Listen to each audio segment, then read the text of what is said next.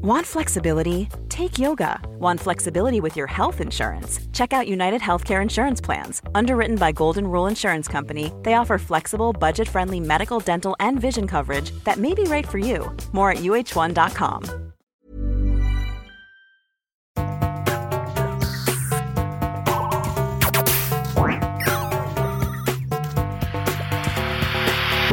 Jeg heter Sondre Risholm Livrød.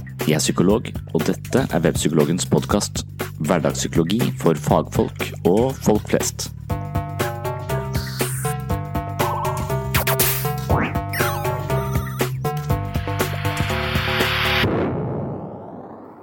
Hei og velkommen til episode 24. I dag skal jeg snakke om omsorg og oppvekst. Som foreldre lærer vi barna våre å takke for maten, sykle, svømme, spille fotball og gjøre lekser.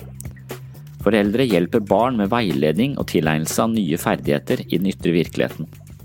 Men foreldre hjelper også barn med et lignende prosjekt i deres psykologiske liv. I tillegg til å svømme og lignende, må barn bli kjent med sitt indre liv. De må lære seg å tåle, forstå og uttrykke sine følelser. De må ha oversikt over sinnets bevegelser for å tilpasse seg ulike situasjoner og ha det bra med seg selv. I denne prosessen, hvor barn skal forstå seg selv på innsiden, spiller omsorgspersonene en viktig rolle. Det er ansikt til ansikt med foreldre at barnet lærer om sitt indre liv. Barnet leser om seg selv i foreldrenes ansikt. Gode foreldre har evnen til å leve seg inn i barnets sinn og samtidig speile denne forståelsen gjennom tilpassede ansiktsuttrykk og emosjonell kommunikasjon. I dag skal vi blant annet se på det som kalles mindsight eller mentaliseringsevne, det vil si evnen vi har til å forstå vårt eget indre liv, og hvordan denne forståelsen påvirker vår evne til å leve oss inn i andre. Speilet på badet gir oss en refleksjon av vårt eget utseende, men det finnes også speil som viser oss noe om hvem vi er på innsiden. Gjennom andres blikk og tilbakemeldinger lærer vi å kjenne oss selv. Dette er en prosess som foregår hele livet, men selve grunnlaget for vår selvforståelse, selvfølelse og selvtillit skriver seg mye fra samspillet mellom barnet og omsorgspersonene. Donald Winnicott var en britisk psykoanalytiker som hevdet at spedbarnet alltid må forstås kontekstuelt. Barnets måte å fungere på avhenger av de omsorgsrelasjonene barnet inngår i. Winnicott er kjent for begrepet holding, som refererer til empatisk modulert spedbarnsomsorg.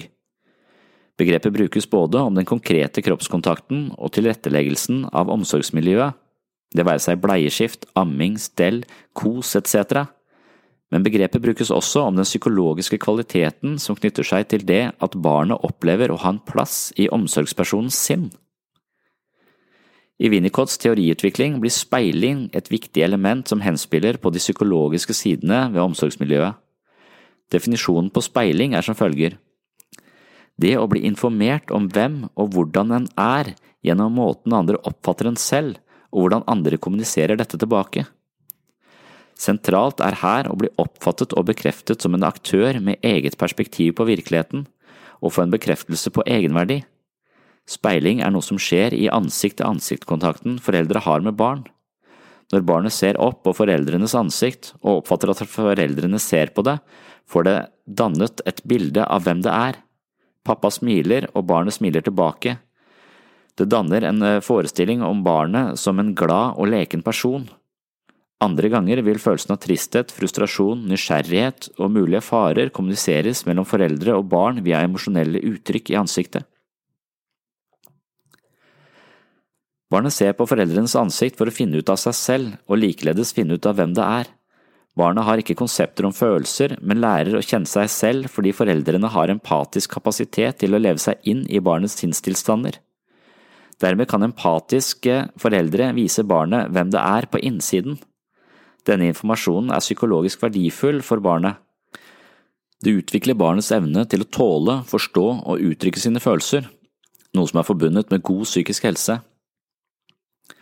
Når barnet kjenner igjen sine følelser og forstår at følelser kan være vondt og vanskelig, men ikke farlig, vil barnet utvikle en slags emosjonell intelligens som sørger for at de senere i livet kan forholde seg på en god måte til egne følelser. Blant annet lære barnet å regulere egne følelser slik at de kan reagere tilpasset i ulike situasjoner.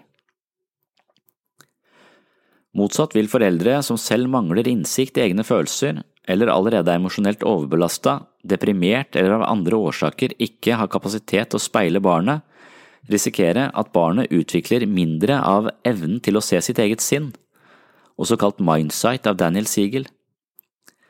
Mangel på evnen til å se sitt eget sinn fører til at man får problemer med å regulere seg selv. Man vil ofte oppleve store følelsesmessige svingninger og problemer med å forstå seg selv og sine reaksjoner. Man blir et offer for sinnets impulsive bevegelser istedenfor å være herre i eget hus. Hvordan foreldre møter barnets følelser, bekrefter barna og inngår i emosjonell kontakt, er altså avgjørende for utviklingen av psykisk helse og barnets senere fornemmelse av seg selv. I miljøer hvor barnet får kritikk, blir oversett eller mislikt, vil denne kritiske typen tilbakemeldinger bli toneangivende for barnets forståelse av seg selv. På sett og vis kan man anta at et sviktende omsorgsmiljø representerer en slags sosial arv som barnet vil dra med seg inn i voksenlivet. Når man leser om omsorg og foreldreansvar, kan man lett føle seg presset som mor eller far. Det er ikke alltid like lett å stille opp som foreldre i alle de utfordrende situasjonene som dukker opp i de fleste liv. Her har Winnicott noen trøstende ord til pressede foreldre. Barn trenger et solid, trygt og godt oppvekstmiljø, men det skal ikke være perfekt. Winnicott er kjent for å snakke om et godt nok moderskap. Barnet må oppleve frustrasjoner for å lære å forholde seg til virkeligheten på en realistisk måte. Dette må gå gradvis, og derfor snakker Winnicott om akkurat passe frustrasjon.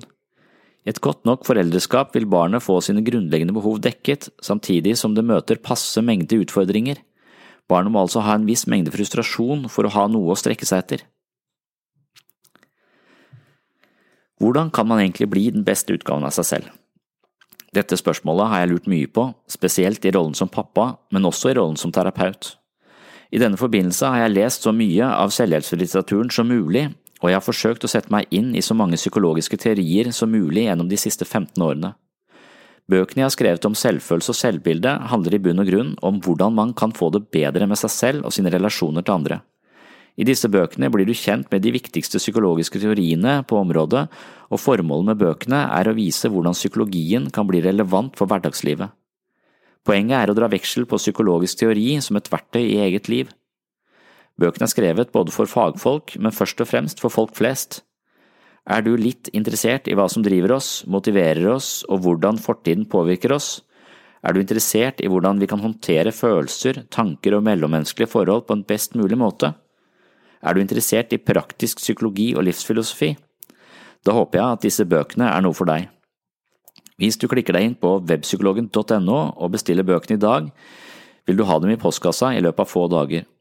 Ved å bestille bøkene fra Webpsykologen får du den beste prisen, og samtidig vil inntekten av boksalget gå direkte til videre drift av denne podkasten. Nå er vi klare for å bevege oss inn på UiA. I dette foredraget snakker jeg altså om eh, Donald Winnicott og hva han mener om å være en god nok omsorgsperson. Winnicott er en representant for det som kalles objektrelasjonsteori. Det er en teoretisk retning som utviklet seg i kjølvannet av Freuds psykoanalyse. Man kan kanskje si at objektrelasjonsteorien utviklet seg som følge av kritikk mot Freud. Mange mente at Freud manglet et relasjonelt fokus på barns utvikling. Og det er dette relasjonsperspektivet på utviklingspsykologi jeg snakker om på Universitetet i Agder. Det er januar 2017, det er mandag etter lunsj, og det er i overkant av 100 studenter i auditoriet.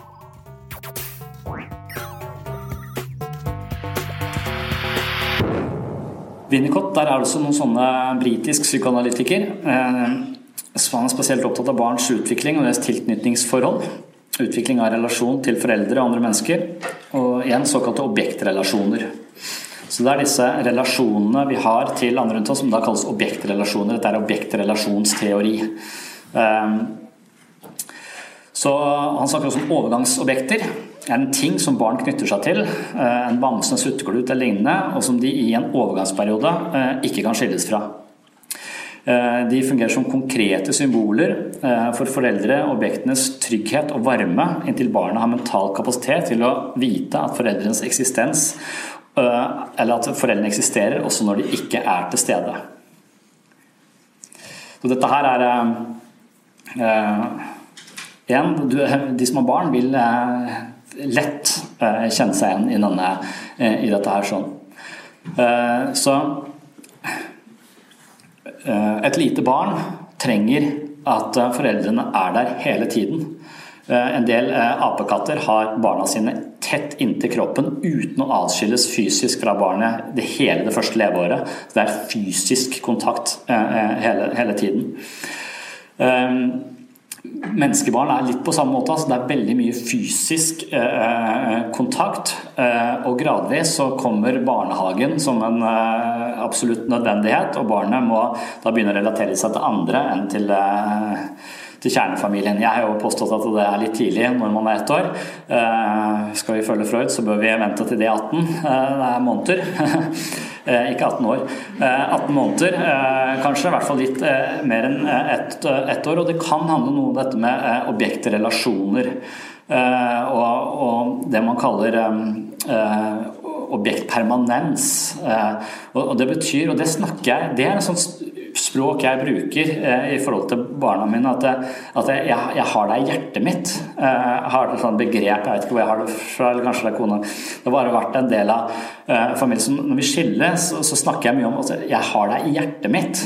Um, um, og det det syns, det syns uh, dattera mi var litt rart i starten. Altså, har du plass til det, da? Så han, uh, Eh, så, så, det er en slags metaforisk eh, greie, men vi snakker om at når du går nå, og jeg går, så er jeg ikke borte for alltid. Hvis du tenker på meg, så kan du kjenne.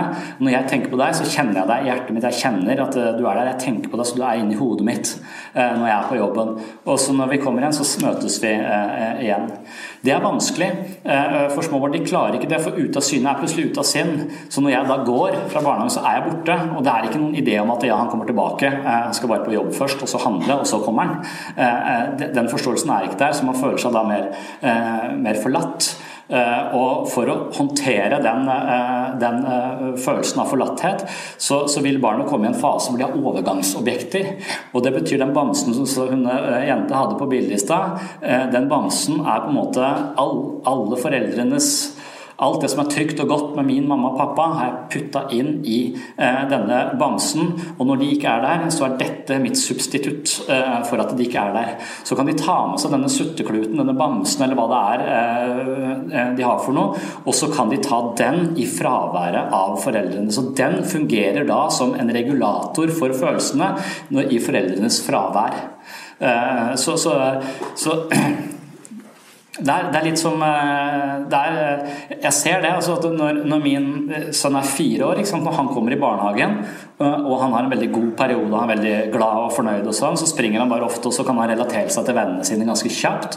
Og han relaterer seg til de som jobber der. Men i sårbare faser, jeg vet ikke hvorfor de er sårbare, kan ha noe med familiedynamikk å gjøre osv., så, så er det vanskelig for han at jeg går, og da trenger han kosen. Jeg tror ikke du spør han hvorfor trenger du kosen, og jeg tror ikke han kan redegjøre for det. Det er helt tydelig at han ser, han ser på meg, han veit at jeg skal gå, han veit han får det vanskelig inni seg. Så tar han kosen, så holder han den der, og så vinker han til meg, så blir jeg borte, og så er dette substituttet noe som hjelper han å regulere seg i en, eh, en periode. Så når han blir tryggere og kommer inn i lek osv., så, videre, så legger han fra seg den, og så glemmer han den resten av dagen. Og så kommer jeg til, eh, tilbake igjen på, på ettermiddagen. Så, eh, så her bruker, bruker, barn overgangsobjekter som symbol for foreldrenes fravær, eller trygg, fravær av trygghet. Eh, og lek fungerer også litt på, eh, på en sånn samme måte, som er en slags overgang mellom fantasiverden eh, og den virkelige verden. Så lager de et rom mellom, mellom på en måte seg selv og den verden der ute, og leker og på en måte trener på verden der ute. Det er en måte å nærme seg virkelig, virkeligheten på. A lot can happen in the next three years. Like a chatbot may be your new best friend. But what won't change? Needing health insurance. United Healthcare Tri Term Medical Plans are available for these changing times. Underwritten by Golden Rule Insurance Company, they offer budget friendly, flexible coverage for people who are in between jobs or missed open enrollment. The plans last nearly three years in some states, with access to a nationwide network of doctors and hospitals. So, for whatever tomorrow brings, United Healthcare Tri Term Medical Plans may be for you. Learn more at uh1.com. Hey, I'm Ryan Reynolds. At Mint Mobile, we like to do the opposite of what Big Wireless does, they charge you a lot we charge you a little. So naturally, when they announced they'd be raising their prices due to inflation, we decided to deflate our prices due to not hating you. That's right. We're cutting the price of Mint Unlimited from $30 a month to just $15 a month. Give it a try at mintmobile.com slash switch. $45 upfront for three months plus taxes and fees. Promo rate for new customers for limited time. Unlimited more than 40 gigabytes per month. Slows. Full terms at mintmobile.com. Ja, så um, mm.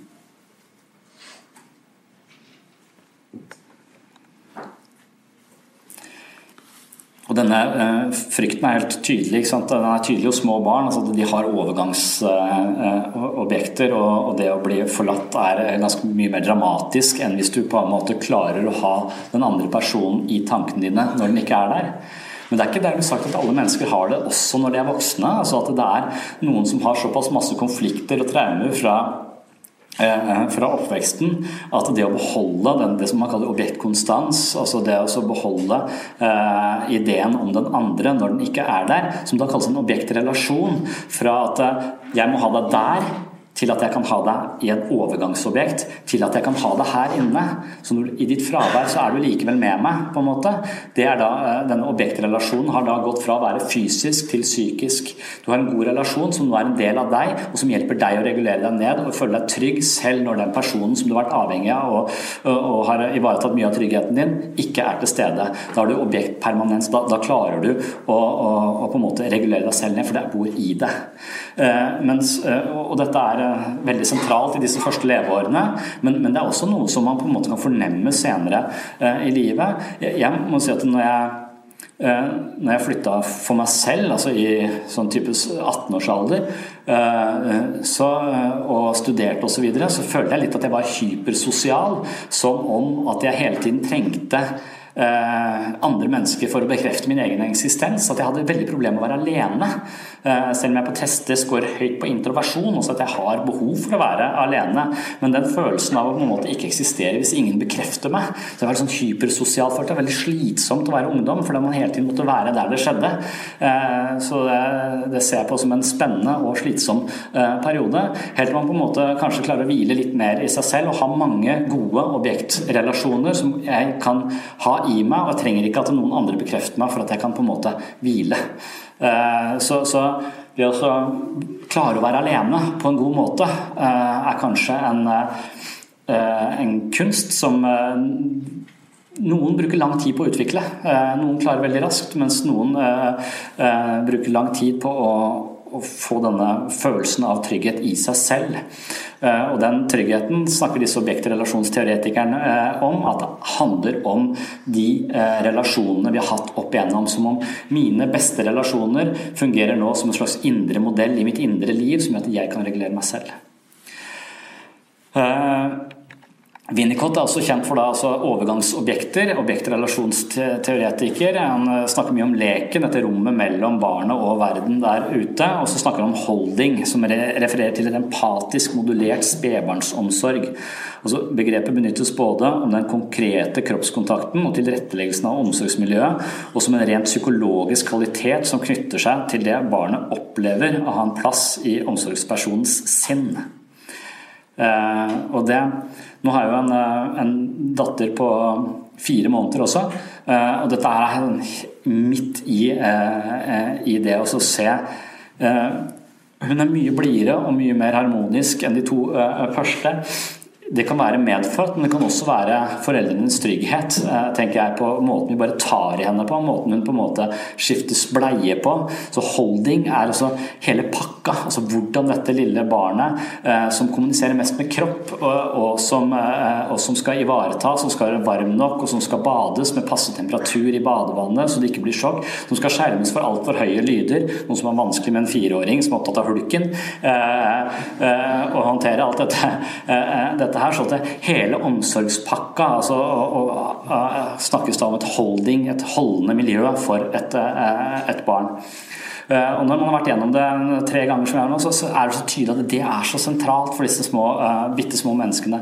Og det skal ikke mer enn noen uker til før du ser at, at du kan kommunisere også i ansikt. Små barn er ekstremt opptatt av ansikter, og de er i ansiktet. De leser om seg selv. Og de er hele tiden orientert mot dette ansiktet. Og jeg kan smile, og hun smiler, hun smiler, jeg smiler. Det er helt klart en, en kommunikasjon der hvor hun langsomt nå adopterer en slags forståelse at du er en annen person, og jeg er inni ditt hode. Du er der meg, på en måte. Så, så det er både en psykologisk og en fysisk fasett når han snakker om denne holding-miljøet. Hvis jeg hadde vært dypt deprimert eller ekstremt stressa og frustrert, så hadde jeg kanskje ikke hatt kapasitet til denne psykologiske biten av det. Altså være der, se barnet, hvile, vise Oi, der var du, der var jeg. Vi er sammen. Jeg holder deg, jeg bysser deg. All denne, denne kontakten som, som, skaper den tryggheten det første lever som. Veldig sånn kroppslig kontakt, men også gradvis en psykologisk eh, eh, kontakt. Eh, og Det er spennende å, å oppleve, og så er det skremmende. fordi det du virkelig skjønner når hun ser på deg, hvor viktig du er for et annet lite menneske. Og det, det føler jeg er eh, ganske tungt å bære, egentlig. Det er litt for mye ansvar. Det var derfor jeg syntes det var rart at vi skulle ha med henne hjem fra sykehuset. I utgangspunktet er du sikker på det? Det kan jo gå rett i dass. Eh, eh, men man må bare gjøre så godt man kan, da. Og det er det Winnicott også er kjent for. Altså dette Han snakker om en god nok mor. Og det betyr rett og slett at eh, omsorg skal være der, men det skal ikke være det er Ingen omsorg er perfekt. Og ingen omsorg skal heller være perfekt. Så, eh, så et begrep som dere treffer på i litteraturen her, er optimal frustrasjon. Um, det betyr rett og slett at barnet må frustreres, og det må på en måte være situasjoner som er vanskelig, for langsomt å takle det også. Så man skal ha god nok omsorg. Så, så, dermed så, så må man ha et slingringsmonn her. Man må, sette, man må ikke tenke man skal være liksom helt prikkfri på alle disse områdene. For da blir det er ikke, det er ikke riktig, det heller. Det skal en, en, viss frustrasjon til, eh, og det vil alle mennesker oppleve. Og det er en del av det å vokse også. Det er frustrerende å vokse. Um, og det, det, er frustrerende både i forhold til disse relasjonelle perspektivene, men det er også frustrerende i forhold til at hjernen hele tiden rent biologisk øverst til høyre hele tiden forandrer seg og hele tiden eh, reorienterer seg om å tenke på nye måter og kommer inn og får nye fasetter ved, ved, måten å forstå verden på. Og hver gang så står barnet helt på bar bakke med mye mer angst enn det hadde tidligere. for noen det opp på en måte forholde seg til verden på helt nye, uh, nye måter. Så uh, disse utviklingspsykologiske teoriene snakker om disse overgangene, disse fasene mellom den ene til den andre uh, fasen, og, og hvordan, hvordan hver overgang er forbundet med frustrasjon, angst og uro før man klarer å etablere seg på et nytt, på et nytt nivå. Eh, og I denne prosessen så er det det som er mest avgjørende for hvordan vi klarer å falle fra det ene til det andre til det tredje til det fjerde utviklingstrinnet, er hvor gode eh, og trygge omgivelser eh, vi har.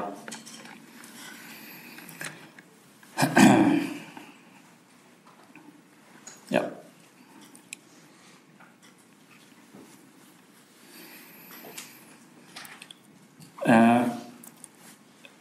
Et annet begrep som jeg tror flere av teoretikerne snakker om, men som, eh, som spesielt dukker opp eh, i boka om Winnicott, det er speiling.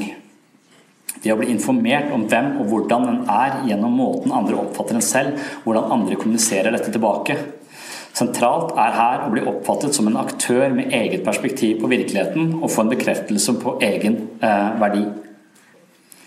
Eh, da begynner man å snakke om eh, det vi egentlig har snakket om i stad, altså at eh, jeg lærer meg selv å kjenne via, eh, i starten via mine omsorgspersoners ansiktsuttrykk. Eh, de speiler meg og forteller meg hva som foregår inni meg, sånn at jeg kan lære meg selv å kjenne. Jeg aner ingenting, det er bare masse følelser som skyter hulter til bulter, så jeg trenger andres oppmerksomhet og forståelse og gradvis et språk på hva som foregår inni meg. Når jeg er på babysang og i full panikk, så har jeg ikke noe språk, det er bare kropp, det er bare uro. Når jeg får et språk på det, så kan jeg løfte det opp fra kropp til innsikt, og jeg kan forstå meg selv. Eh, jeg snakket om babysang sist, hvordan jeg fikk helt noia på, eh, på, på babysang. Eh, og Og dette er jo, eh, En ting er i voksenlivet, men det er en helt annen ting. Altså, i, I barnets første eh, leveår så er denne eh, speilingen så utrolig eh, sentral. Og Her kan det eh, være mange forskjellige aspekter som gjør at det går, eh, går galt. Du ser han fyren på bildet der. Han har en mor som smiler og en far som kjefter. Så når du får veldig motstridende beskjed rundt deg for hvem du er og hva slags følelser som er greie og ikke greie, så skaper det en stor forvirring. Det er ikke som Du får ikke noe kjerne. Du, du, ikke, du får ikke et solid selv. Du klarer ikke helt å forstå Eh, eh, hvem du er, fordi tilbakemeldingene er så eh, forskjellige. og Du leser det ene om deg selv der og noe helt annet om deg selv der, og da vet du ikke lenger hvem, hvem du er. Og her, her snakker disse Det å bli bli speila handler om å dannes som, som menneske. Og, og, noen teorier her sånn vil si at det, det verste som kan skje med deg, er å bli oversett altså ikke sett i det hele tatt. Og da, på en måte, det, da dreier det seg om en slags ubekrefta selv. Når, når, du vokser opp, så vet du ikke egentlig hvem du er. Du har ikke noen følelse av kjerne i det hele tatt. Uh, I motsetning til noen som har vokst opp med kanskje at de har blitt jevnlig slått eller trakassert. De veit i hvert fall hvem de er og har en kjerne. De får kjeft når de ikke gjør sånn som de skal. De får stadig kjeft, de får masse kjeft. Men de vet i har en viss forståelse av altså De har en viss kjerne, selv om den kjernen også er ganske destruktiv, for de har lært å forstå seg selv som en som ikke får det til eller fortjener masse kjeft. Men det å ikke bli sett, eh, det er nesten å bli usynlig også for seg selv. Altså ikke vite noe om hvem, eh, hvem man er. Når du stiller de menneskene spørsmål om hva ønsker du eller hva du vil, så er det svaret 'vet ikke' veldig ofte. 'Jeg aner ikke'. 'Jeg har aldri tenkt på det'. Altså de, de har ingen fornemmelse for seg selv. Ingen fornemmelse av selv. Eh, og barn som opplever traumer eller overgrep osv. kan ofte snakke om en slags uvirkelighetsfølelse. En følelse av å ikke være. Så det er i andres gode omsorg at vi blir mennesker og er noe. Det er her vi får en verdi, det er her vi får en retning, en motivasjon, en følelse av mening i livet. All mulig annen faenskap som kan skje med oss, kan rokke ved denne følelsen av å være et selv, et sammenhengende selv, med en fortid, en nåtid og en fremtid. Uh, og, da ser man også, det, er noe man snakker om uh, mye i psykoterapi, er at det, Eh, det er, det er, veldig viktig å ha en følelse av dette sammenhengende selvet. og Det handler om stabile oppvekstvilkår og folk som har uh, vært til stede og kunne se oss. Uh, når du utsettes for et traume, så er det ofte at det blir et slags hull i fortellingen om oss selv. Forsvarsmekanismer, at vi sperrer virkeligheten ute. Vi klarer ikke å forholde oss til det. Vi må dissosiere. Altså ikke, altså ikke på en måte skape en så stor avstand til virkeligheten at vi, vi mister virkeligheten litt. At vi kobler helt ut.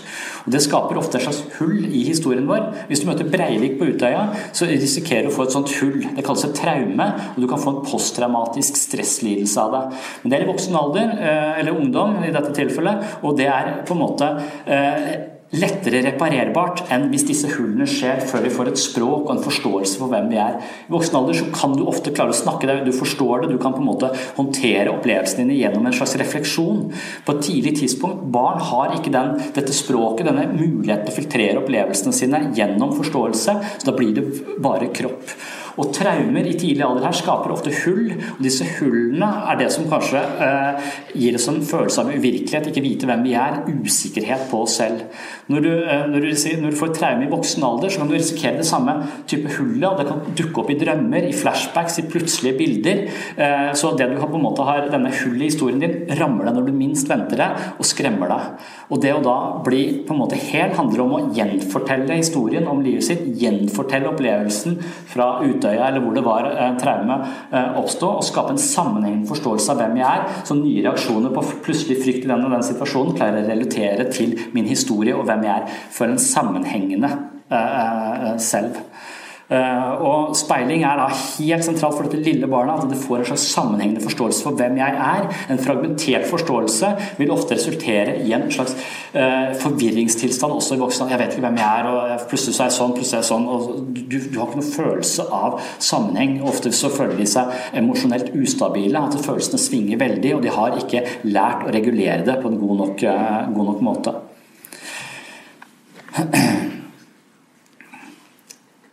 Ja.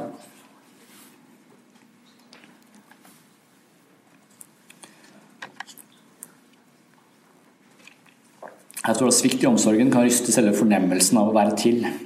Uvirkelighetsfølelse, forstyrrelse i jeg, eh, finnes med fortid, nåtid og fremtid. Verden er nifs uforutsigbar, og jeg må karre til meg det jeg kan, eller holde meg for meg selv. Eh, så enten så får du et sånn veldig konkurrerende forhold til virkeligheten, eller du trekker deg helt, eh, helt unna.